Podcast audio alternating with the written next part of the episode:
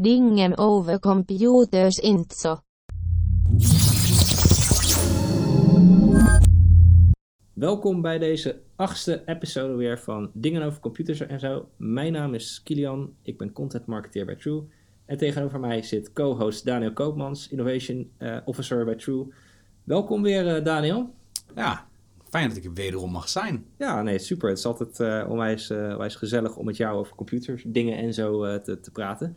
En deze week hebben we wederom weer wat leuke nieuws. Maar voordat we daaraan beginnen, heb jij zojuist weer een, een, een, audiofragment gehoord over een computerstem. En in welke taal denk jij dat het, het fragment dit keer was? Wit-Russisch. Nou, nee. Nee, je mag nog één poging. Wil je nog één poging? Nee, het was, eh, het was Fins, dus op zich Oh. zat je niet heel erg verkeerd. Ehm, ja, dus eh, we, we hebben nog heel wat talen te gaan. Ehm, vorige keer had je hem in één keer goed. Die prijs moet ik nog regelen, sorry, excuus daarvoor. Ehm, maar dat, dat gaan we volgende keer weer doen.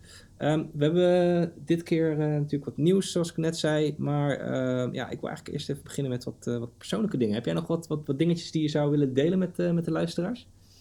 Eh, ja, ik ben natuurlijk verder gegaan met die eh, micro-VM dingetjes. Ja, ja, ja. voor, onze, voor onze trainingen intern. Ja. Nou, dat was een super groot succes. Dus dat eh, kan ik iedereen die überhaupt trainingen geeft aanraden om daar toch naartoe te kijken. Ja. Het was binnen drie minuten had ik twintig machines klaar. En ik heb één machine kunnen resetten tijdens het, tijdens het hele workshop, zodat een persoon meteen door kon gaan. Kijk. Nee, dat was, dat was gewoon één groot, één groot succes. Het was snel, fijn. Weaveworks Ignite heette het, hè? Of- WeForce Ignite. dus eh, dat moeten we een paar keer inderdaad eh, eh, blijven noemen, volgens mij. Maar oké, cool. En, andere dingetjes waar je mee bezig bent geweest? Dingen die Nou, je ik ben uitgezocht? hard bezig geweest met mijn eigen open source project. Waarmee ik voor Je eigen open source project. Yes. Waarmee, we, waarmee ik voor Kubernetes allerlei informatie bij elkaar kan sprokkelen. Je hebt dus een heleboel tools binnen Kubernetes die een aantal dingen voor je gaan regelen. Eh, bijvoorbeeld, er is een, eh, een tool genaamd Popeye die gaat kijken van... Zijn alle dingen goed geconfigureerd in je cluster? Zijn er verbeteringen mogelijk? En die komen Mhm. er dan uit. Eh, maar normaal gesproken is dat dus een one-shot-achtig idee, wat je dan de output krijgt. Ehm, dus ik ben een service aan het bouwen als, als open source, die je zelf kan hosten. Dat is niet iets wat ik ga hosten. Mhm. En wat hij doet is die verzamelt, of als die geeft dus een endpoint waar al deze informatie naartoe verzonden kan worden, zodat het dan geïndexeerd wordt. En op dit moment wordt het dan op eh, GitLab als GitLab issues aangemaakt, zodat mensen ook meteen eh, actie kunnen gaan proberen te ondernemen op een aantal van die dingen. Oké. En het is niet alleen voor dus Popeye, maar er is ook nog container image scanning en wat andere best practice dingetjes die allemaal wel wat HTML-rapportjes normaal gesproken doen, of raw JSON. En, en mijn, de tool die ik aan het bouwen ben, die gaat dat allemaal consolideren, zodat je, of je nou één cluster hebt, of dat, eh, zoals je bijvoorbeeld bij True hebt, mul- multi-cluster dingen Ja. Mhm. aan het beheren bent, dat je dus kan zien wat er in je cluster aan potentiële updates en verbeteringen staat. Want dat is iets wat binnen Kubernetes nogal eh, lastig gaat worden. Als je zodat je duizend containers hebt met duizend verschillende images. Ja, heel veel moving parts ook, hè? Hoe weet je wanneer wat moet, moet geüpdate worden? ja, vet. De tool die ik ga maken, eh, die ik aan het maken ben, die gaat daar dus wat inzicht in geven. En, en eh, kunnen mensen dat ergens vinden? Of is dat nog, iets Nog wat niet. je... Het is namelijk, eh, ik heb na de prototype heb ik zo'n beetje klaar. En eh, gezien mijn eerste open source project is, is het voor mij ook wat spannend om, Om het te openbaren? om het te openbaren. dus ik ga er nog even wat auditors op loslaten ook, Ja, tuurlijk. die er dan kunnen komen. En, maar goed, ja, het komt eraan en het wordt hartstikke leuk. Super gaaf, man. Cool. Nou ja, mocht het een keertje inderdaad dus helemaal zo klaar zijn, dan zullen we zeker even de link, eh, link delen. Of eh, misschien nog een keer aanhalen in, in de podcast voor de volgende keer. Dat Cool. lijkt me een goed idee. Leuk. Ja, zelf eh, ben ik ook een klein beetje bezig geweest met eh nerden. Alleen mijn, mijn kennis gaat natuurlijk wat nog niet- zo ver als bij jou. Maar ik heb thuis de laatste keer zo'n Raspberry Pi gekocht, ken je denk ik wel. En ik dacht, laat ik eens een keer een, een klein servertje ervan maken. Gewoon eens om te kijken, hoe werkt dat nou? Hè? Om, om, om gewoon een servertje te maken. En eh, nou ja, het mooie is dat op, eh, op raspberrypi.org daar staan echt fantastische tutorials hoe je dat stap voor stap kunt doen, zodat zelfs een leek zoals ik eigenlijk heel eenvoudig een eigen testservertje kan, eh, kan bouwen met, met, een, met een Linux systeem erop, Apache, PHP en MySQL. En WordPress erop geïnstalleerd. Dus dat vond ik hartstikke leuk om te doen. Ehm, nou ja, ik zal de link ook delen met mensen die dat leuk vinden om te doen. En verder kijk ik echt enorm uit eh, vandaag naar The Mandalorian, de Star Wars serie die, eh, die vandaag gelanceerd wordt. En eh, ik ben heel benieuwd hoe dat, hoe dat eruit gaat zien. Ja, wat zijn je verwachtingen? Mijn verwachtingen zijn, zijn eigenlijk wel hoog. Ik heb wat trailers gezien en stiekem ben ik meer enthousiast over deze serie dan over de nieuwe Star Wars film die eraan komt. Ehm, ook omdat ik wat, wat soort, van voor-recensies heb, heb gelezen. En eh, ja, het is gewoon heel vet. Weet je. Het gaat over de bounty hunter eh, eh, die, een, nou, die dus Boba Fett in de eerste Star Wars is. Volgens mij gaat het niet over hem, maar het gaat wel over zo'n soort bounty hunter. En dat zijn altijd wel hele toffe personages, vind ik. Dus. Nou, ik ken de, de Mandalorians voornamelijk van de Knights of the Old Republic Ja, series. dat is een game inderdaad. Hè? Ja, Ja, ja, een hele oude game van vroeger. ja. En speelt dit verhaal zich dan in die tijd af? Of Nee. is het meer moderner dan? Want Nee, nee eh, de Mandalorians, eh, ja, dat, zijn, dat is dus een bepaald ras in het Star Wars-universum. En dat zijn een beetje de Spartanen van het Star Wars-universum. Maar inderdaad, die bestaan al heel lang. Al eh, in die game, die ver voor de, de Star Wars-reeks speelt. Daar bestaan ze al. Maar dit gaat over de periode, volgens mij, in het, in de eerste, van de eerste trilogie. Dus episode 4, 5, 6. Oké, dus, dus, het eh, gaat waarschijnlijk ook niet eens over eh, de planet Mandalore dan.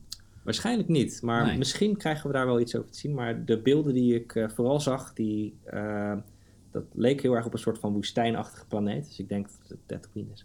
Mm. Maar tot zover denk ik eh, het Star Wars eh, nieuws. Anders blijven we te lang hangen in eh, mijn eh geekiness. Ehm, we hebben wat, eh, wat nieuws, eh, Daniel. Heb jij een voorkeur van een nieuwsbericht die je eerst wil behandelen? Nou ja, de Chrome Zero Day. Ja, wat was daar ik, eh, dat vond ik wel interessant. Nou, dat zorgde ervoor dat bepaalde, element, bepaalde elementen binnen de browser vastgelopen konden worden. En dan potentieel ook iets mee verder gedaan zouden kunnen worden. Nou, normaal gesproken niet zo'n grote issue. Maar ja, als het natuurlijk voor Chrome is, wat heel veel mensen gebruiken, Ja. dan eh, is dat natuurlijk wel een grote issue. Maar het was redelijk snel gepatcht, dus dat is zo gefixt. Oké, maar het, het zat in Chrome zelf. Ja, het zat in Chrome zelf. Ja, ja, Oké, ja, nee, ehm, want eh, ik heb ook wat, wat browser nieuwtjes namelijk. Toevallig ook over Chrome. Ehm, ook een paar over, over twee andere browsers. Maar laten we, laten we even bij het Chrome dingetje houden. Want eh, ik las zojuist dat Chrome aan het experimenteren is om websites sneller... Of eh, om een melding te maken als websites te langzaam laden. Dus dat, dan krijg je dus als, als websitebezoeker een melding in je, in je browser als dus de website te, te langzaam is. Ehm, ja, eh, Dat is niet iets wat de gebruiker zelf kan detecteren. dat, dat nou, de webpagina laat niet. Dus zeker, dat is zeker wel wat de gebruiker zelf natuurlijk kan detecteren. Maar Google die hecht natuurlijk heel veel waarde aan eh, snelle performances. Ze zitten heel erg op een goede web experience. Dus ze willen heel graag dat, eh, dat alles zo snel mogelijk werkt en intuïtief is voor de, voor de eindgebruiker. Ehm, en dit is denk ik weer, weer een soort van extra stap om te laten zien. ehm, hey, doe iets aan je pagina snelheid als jij dat nog niet op orde hebt gedaan. Want we gaan dan ook, eh, Google zegt dan ook dat page speed is een ranking factor in de, in de zoekmachine. Dus ehm, ja, het is weer een soort van extra drukmiddel, denk ik misschien, om mensen de pagina eh, ja, snel te laten, ja, dat ze, dat ze meer aandacht ervoor hebben. Oké, Kilian, snel laat ik daar eens even overheen gaan Oké, denken dan. ja, ja, ja. Dus je zegt het is iets wat in de browser, dus bij de bezoeker van de, van de website, gaat dat gebeuren, die check. Ja. Oké, en die gaat bepalen of de website snel of langzaam geladen wordt. Ja, de, de, de browser, of tenminste de, de engine achter eh, Chrome, die gaat dat detecteren. Dus die checkt gewoon, hey, En, rapport, en dat gaat hij dan rapporteren aan de gebruiker of aan de servers van Google? Nou, in eerste instantie aan de gebruiker. Dus die krijgt een melding van, joh, deze pagina die eh, laat meestal niet zo snel. En waarschijnlijk gaat hij dat dan ook detecteren naar de Google-servers. Ehm, en eh, ja, wordt dat uiteindelijk, ja, dat is dit speculatie hoor, maar wordt dat uiteindelijk gebruikt ook om een pagina te laten ranken in de, in de zoekmachine. Oké, oké. Het lijkt mij, eh, zoals je het uitlegt, denk ik dat we er even beter in moeten lezen wat het is. Ja, Eh, dat, want nou, het het- klinkt namelijk een beetje dubieus. Het, het, was ook, het was eerlijk gezegd ook een, een beetje een cryptisch eh, nieuwsbericht hoor. Want ze, ze hebben dus eigenlijk alleen aangekondigd, we gaan ermee experimenteren. En een van die dingen waarmee ze dus dat aangeven, is dat je dus een melding in de browser krijgt. Eh, dat zou een van de, van de dingen kunnen zijn. Maar eh, ja, wat mij betreft is dit iets wat, wat we in ieder geval in de gaten eh, kunnen, kunnen houden. Ja, het lijkt me als met hartstikke leuk Ja. om bijvoorbeeld eh, mijn internetverbinding heel slecht te laten zijn en dan naar concurrentiewebsites te gaan. En dan vervolgens dat Google gaat zeggen tegen iedereen, ja nee, die website van de concurrent is echt heel traag. Ja, ja, ik bedoel, ja. je geeft wel power aan de users als ze dat inderdaad kunnen doen op die manier. Hoe bedoel je dat precies? Nou ja, als jouw browser dus detecteert of iets traag of niet traag is, en dat gaat hij rapporteren aan Google van deze gebruiker heeft problemen met deze website. Ja, Nou ja, wat laat mij dan om eh, mijn internetverbinding zo hard af te knijpen dat het altijd vervelend is? ja je, je, je zou het kunnen saboteren, bedoel je eigenlijk. Ja, Ja, ja, niet? ja, Maar Als je een beetje slechte bedoelingen hebt, Dat. dan zou je, ja, dat, dat zou je je concurrent eigenlijk een, een trager ladende pagina kunnen... En wil je een browser hebben die gaat rapporteren aan Google op welke webpagina jij zit, dat hij iets traag laat? Kan Ja, dat is een hele eh, goede vraag. Goed, eh, goed met jouw specifieke achtergrond met eh rooskleurige pagina's. Dat, dat zegt van ja, deze pagina die laden wat traag voor Kilian. Ja, oh, ja, ja. mm, mm, mm, mm. Nee, ik, dus ik eh, weet niet wat ze. Ik, ik verwacht dat het eigenlijk alleen maar is notificatie aan gebruiker. Ja. Maar in hoeverre dat dan handig is, weet ik niet. Ik bedoel, wat ga je. Als leek, als je zo'n melding krijgt, denk je dan: oké, ja, dankjewel. Of denk je dan: oh, wat handig om dit te weten. Nou ja, als, als, het leek, ik wil gewoon een snel presterende pagina. Ik wil gewoon snel eh, mijn, di- mijn dingen kunnen doen op het Maar internet. goed, maar dat zie je toch als de pagina laat, of het snel of niet is. Dus wat Precies. heeft de melding voor een toevoeging? Ja, dat, ja, dat is een hele, hele goede. Zo had ik er eigenlijk zelf nog niet over nagedacht. Maar ja, ik, ik, just eh, throwing it You're out just the there. messenger. Just throwing it out there. Google is ergens mee bezig. Performance blijft een belangrijk ding.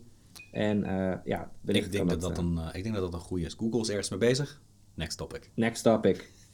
Ehm, ja, dan hebben we nog eh, eh, het ARPANET. Wat ehm, afgelopen week 50 jaar is geworden. Oh, En ehm, ja, het ARPANET, dat is natuurlijk de voorloper van het, eh, van het internet. Hè. Daar begon het allemaal. En op Twitter stond eigenlijk een, een, een leuk artikel over de historie van hoe dat nou is gegaan, dat ARPANET.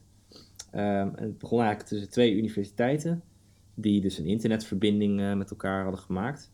En zodra ze eigenlijk één woordje naar, van de ene computer naar de andere computer wilden sturen, met eh, eh, login, toen ze dat probeerden, toen schoot, schoten die systemen helemaal in de stress. En eigenlijk het eerste woord wat dus ooit verstuurd is via het internet is, is low. Ehm, en in dat artikel staat nog wat meer achtergrondinformatie waar ik zelf niet zo heel veel mee, mee, mee kan.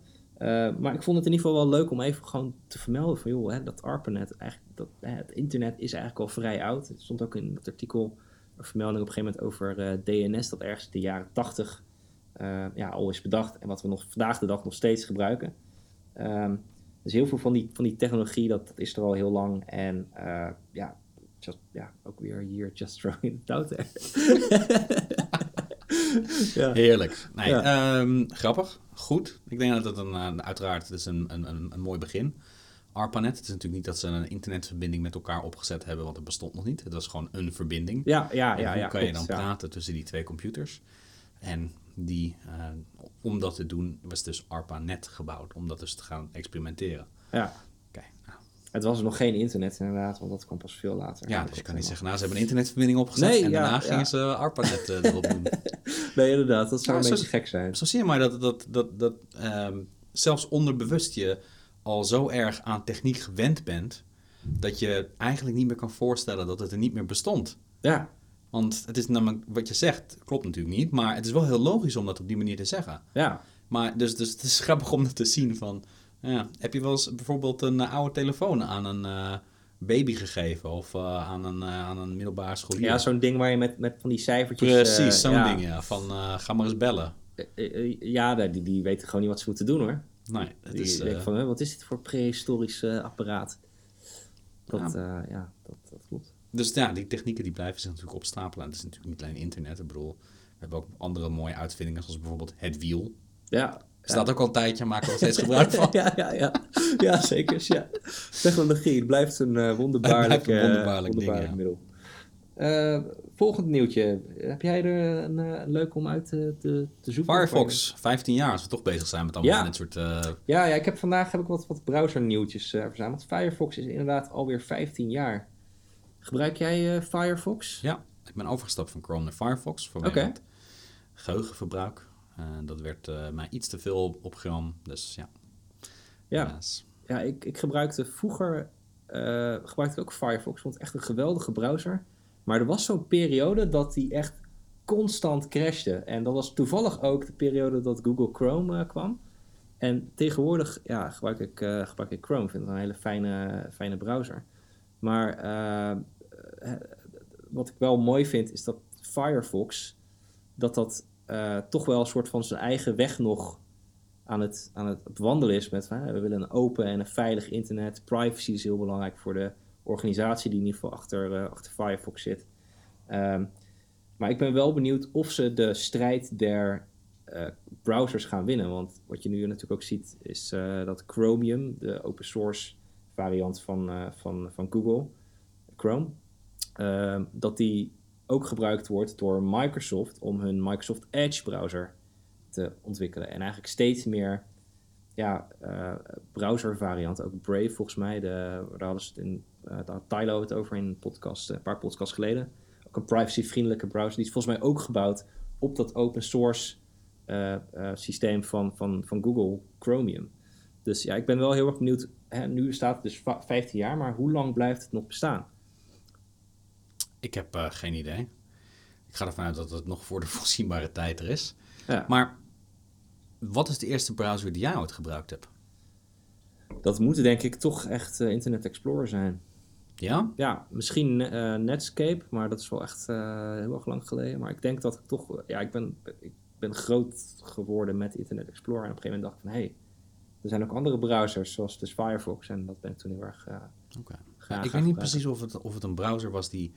Of dat, welke browser erachter zat, maar ik begon met CompuServe Computer. als, als, als internetprovider. Die hadden dan een, een browser die zat een soort van inbegrepen in het pakket. Oké, Ik kan me niet meer herinneren wat het was, maar ik weet nog wel dat ik vrij snel toen naar Netscape gegaan ben op een gegeven moment. ja.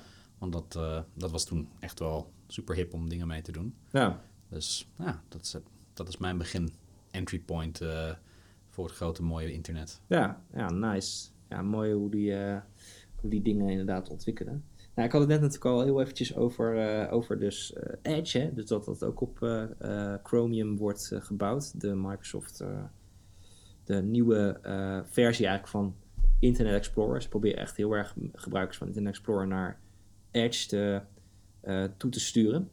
Maar die heeft een nieuw logo gekregen.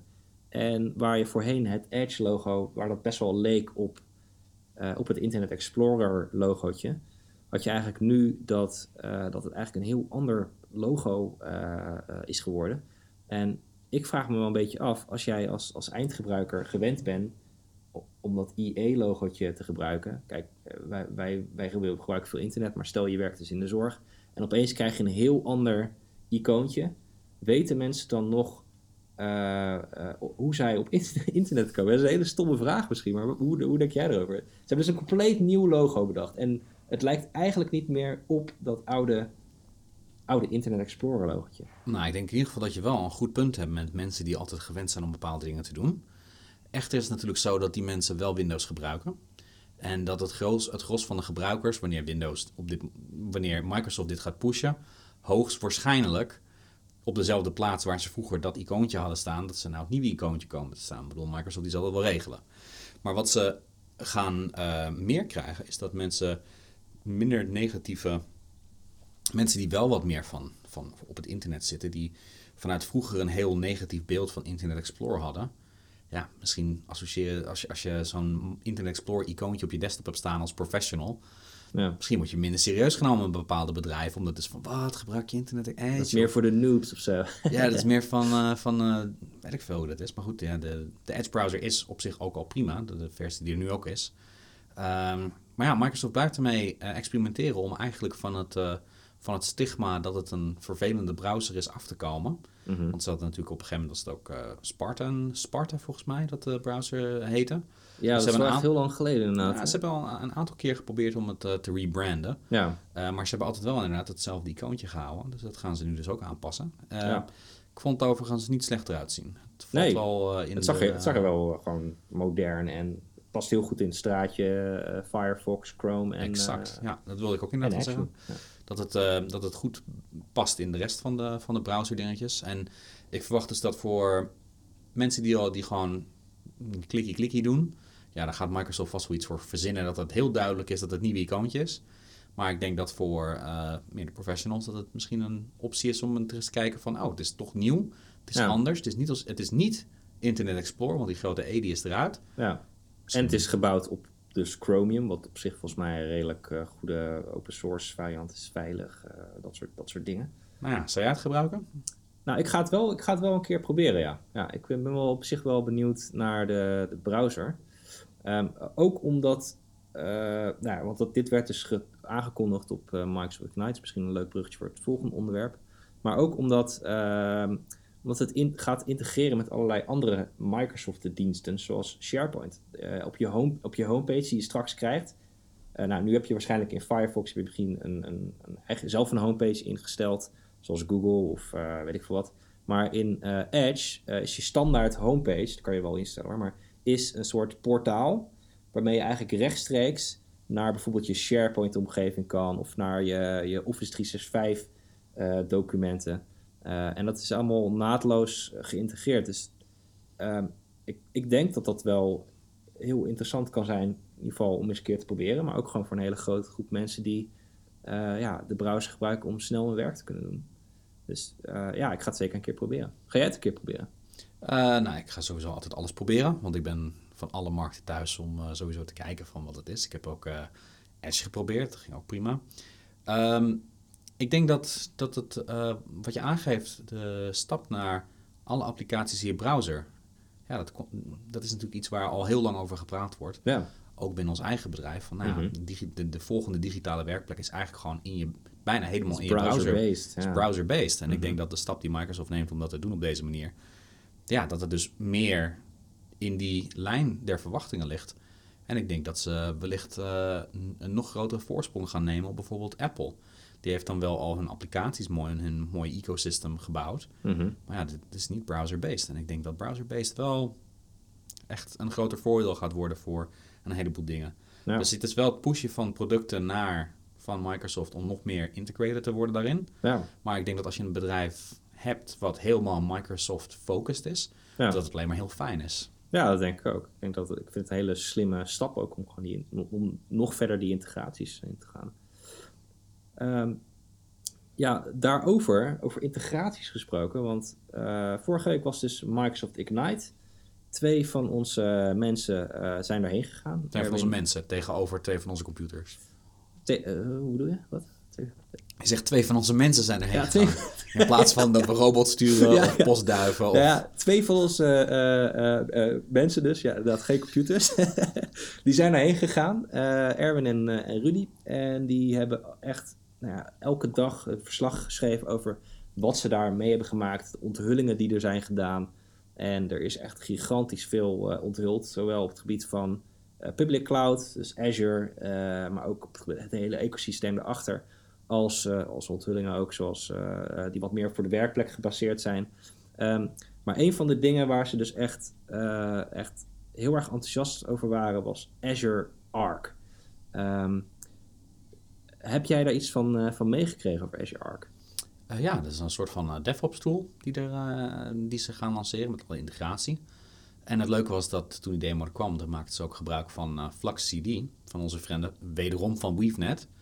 En dat is een tool die ik ook al heel erg gebruik voor de GitOps manier om dingetjes te lanceren op onze eigen Kubernetes eh, clusters. Ja, Dus, dus het was leuk om te zien. Ehm, maar ik denk dat we niet al te veel spoilers moeten doen, want volgens mij komt Rudy volgende week hier langs. Ja, ja, dus die gaan het ja. wel over hebben. Wel wil ik nog even zeggen dat ze alle twee, ik weet niet waar ze de tijd vandaan hebben gehaald, maar ze Ja, dat is echt bizar, jongens. Ze hebben- hartstikke leuke artikelen ook geschreven met Ja. hun bevindingen en hun eh, persoonlijke view op het hele eh, Microsoft-event. Zeker, ja. Ik weet nog dat toen ik in, volgens mij in mei naar CubeCon was, toen was het aan het eind van de dag, heb ik met zoveel mensen gesproken, zoveel dingen gedaan, zoveel dingen gezien. Ik was helemaal kapot. ja, Dus ik kon dat niet doen, dus ik heb geen idee hoe ze dat voor elkaar gekregen hebben. Maar Ja, het is, het is echt bizar. Het is echt, echt elke, want nou ja, dat, dat, eh, ik heb ze dan geholpen met de plaatsing van, van het artikel. Maar echt elke dag om, dus nou, kreeg ik gewoon twee, artikelen, twee echt hele lange artikelen eh, eh, in mijn mailbox.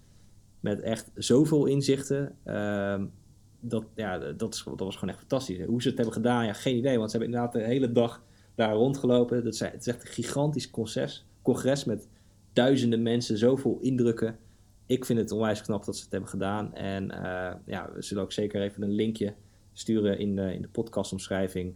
Waarin je eigenlijk alle blogs nog even terug kunt lezen. Maar inderdaad, eh, volgende keer eh, schuift Rudy een keer, eh, keer aan om wat meer te vertellen over Azure Arc en alle andere mooie dingen die hij op Microsoft Ignite heeft gevonden. Ehm, hebben wij nog een nieuwtje? ja, we hebben natuurlijk Access for All moet blijven, hè? de, de, de, de Ja, nieuwe oh ja, ja. Dat was ik bijna vergeten. Freedom Internet. Freedom Internet. Klinkt als een Amerikaans concept. Ja, nou ja, ja, weet ik niet. Amerikaans, hoezo Amerikaans? Als, als je ook, ook maar een of andere 9gag pagina opent over freedom, dan is het America. Zo ja. Team America. Nee, maar inderdaad, het gaat dus over een, eh, een, een, een crowdfunded provider die gestart is. eh, volgens mij door de stichting die daar dus mee bezig is van Access for All moet blijven. Eh, en die hebben echt best wel veel doekoes binnengehaald. eh. ja, iets van 2,5 miljoen echt binnen drie dagen of zo. Dat is echt gigantisch.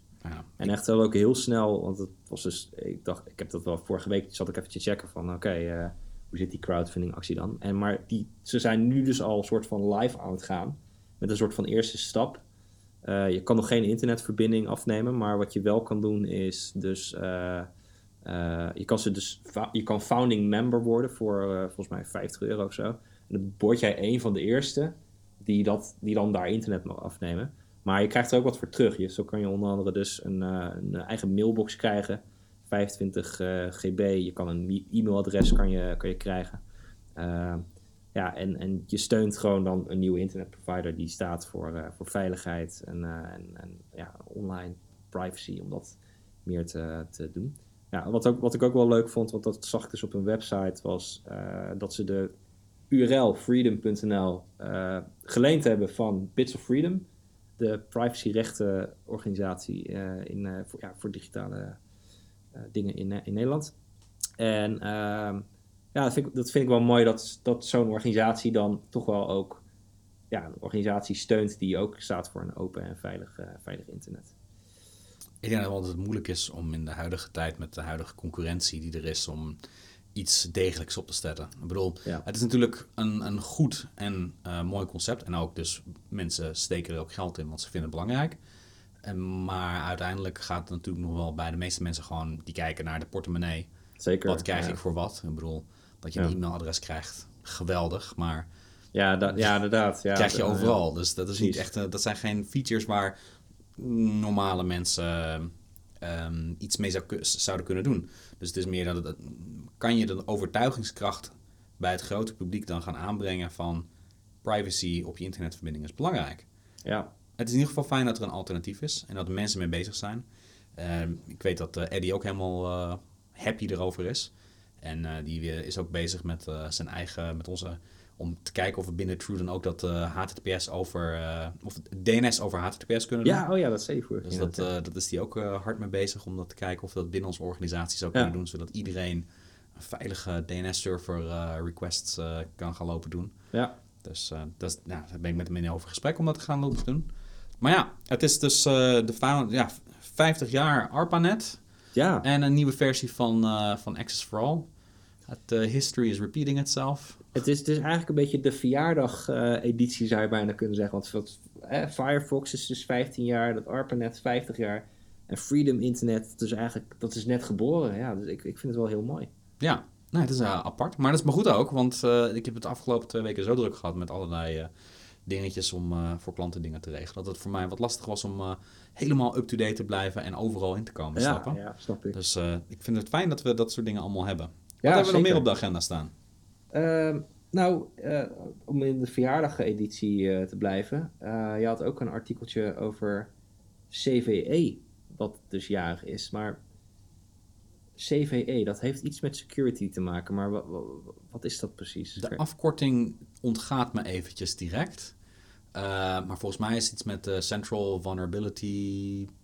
Environment, eh, Geen ecosystem.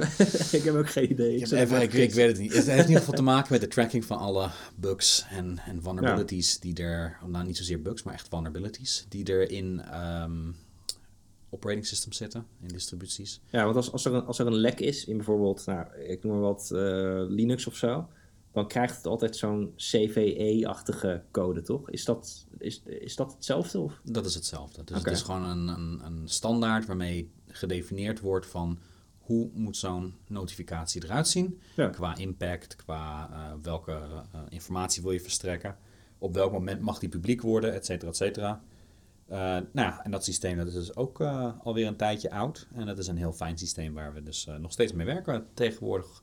Ja, Net zoals het wiel en en alle andere technologieën. alle andere technologieën. Ja, precies. Ja, exact. Ja, want zo kan je natuurlijk helemaal teruggaan. Hè? Want eh, ja, zonder eh, elektriciteit heb je geen eh, computers, eh, dat soort dingen. Nee, gaaf. Ehm, ik heb eigenlijk verder geen, eh, geen eh, nieuwtjes meer volgens mij. Of eh, zie jij nog iets daar in eh, het scherm staan? Uh, nee, nee. Ja. ik ben nog steeds bezig met mijn, eh, met mijn iPad eh, workflow Oh, te ja. verbeteren. Dus dat Ja. eh, gaat nog steeds heel erg gestaagd. Waar we het vorige keer over hadden. Ja, precies. Ehm, en we zijn, ehm, ik heb de nieuwe Rancher heb ik geprobeerd. Dus Oké. Rancher 2.3. Ik weet niet of ik het vorige keer ook verteld had dat ik dat want toen, toen was het aangekondigd volgens mij. En toen had je het nog niet eh, geprobeerd. Nou, Rancher is, een, eh, is een een tool om Kubernetes clusters te beheren, toch? En te, te beheren. te ja. beheren. Ja. Ja, te beheren voornamelijk. En hun tool RKE, dat is dan voor het installeren van Kubernetes. Ja. Maar de 2.3 release heeft een eh, aantal feature verbeteringen. Bijvoorbeeld eh, integratie met eh, Istio Service Mesh. Oké. En ook nog een eventlog van het hele cluster wat erin zat. Dat miste ik eigenlijk een beetje. Daar had ik Mhm. mijn eigen tools voor ontwikkeld. Maar hoe meer we in dat soort dingetjes kunnen, hoe meer het allemaal gebundeld wordt op één systeem, hoe overzichtelijk het wordt. niet alleen voor ons als operators, maar ook voor onze klanten. Ja. Dat ze makkelijk kunnen zien wat er allemaal in hun clusters aan het gebeuren is. Mhm. Dus eh, nou, dat was eh, allemaal een zeer pijnloze upgrade. Dus eh, op mijn eigen clusters. Dus dat gaan we binnenkort ook uitrollen op onze productieclusters hier bij True en voor onze klanten. Cool. Dus ja, dat gaat wel hartstikke gezellig worden. En voor de rest is mijn aankomende week, aankomende twee weken, helemaal gepland met allerlei seminars en trainingen die ik ga geven. Kijk, Dus dat, dat zit er allemaal in. En Kilian, Daniel. Wat, eh, wat- ja? het artikel over eh, Weaveworks. Weave. Ja, Ja, Ignite. ja zeker. Waar, eh, waar Daar is moeten die? wij nog eventjes, moeten we nog even over hebben, hè, met z'n tweeën, denk ik. Hmm, er was een belofte gemaakt twee episodes geleden. Nou er was een belofte gemaakt dat we binnen twee weken inderdaad een artikel in, eh, zouden, live zouden hebben. Maar we hebben het allebei, want ik heb het ook redelijk druk gehad na mijn vakantie. Eh, het staat wel nog steeds in mijn nieuwe to-do ding lijstje, mijn things eh, dingetje. Ehm, dus ja, eh, ik zou zeggen, laten we deze week even kijken of we daar samen naar kunnen. Ik wil net zeggen, we kunnen niet blijven uitstellen. Nee, deze, nee, week, zeker. deze week gaat het live tegen Ja, ik vind het prima. Als jij ook tijd vrijdag. Ja, nee, daar maken we tijd dan voor. gaan we zeker tijd We voor. kunnen moeilijk op een podcast een belofte doen en dan vervolgens een paar podcasts later doen alsof het nooit iets geweest is. Weet je nog in eh, podcast... eh, hallo, we zijn nu in podcast eh, 100. Weet je Ja. nog in podcast eh 7? Ja. Nou, het artikel is eindelijk. Compleet Ja. niet meer relevant voor wat er allemaal is op de wereld. Nee, Inmiddels dus is er alweer een, eh, een soort van opvolger van Weaveworks Ignite. En, eh, nee. nee, nee, inderdaad. Dat artikel eh, dat gaan we gewoon, gaan we gewoon eh, maken en live zetten. we gaan het eh, vandaag, op dinsdag, gaan we het afmaken. Ik vind het helemaal goed. eh, is goed. Nou, dan moeten we maar snel gaan afsluiten, want dan kunnen we snel aan het artikel gaan werken. Wat denk jij? Eh, let's do it. Let's do Alright. Nou, beste luisteraars, weer bedankt voor het luisteren. Heb je tips, vragen, suggesties of andere dingen die je met ons wilt delen over computers of zo? Dan kun je mailen naar podcast.true.nl of je laat gewoon een comment achter in een van de vele manieren waarop je de podcast kan vinden. Bedankt voor het luisteren en tot de volgende keer. Doei!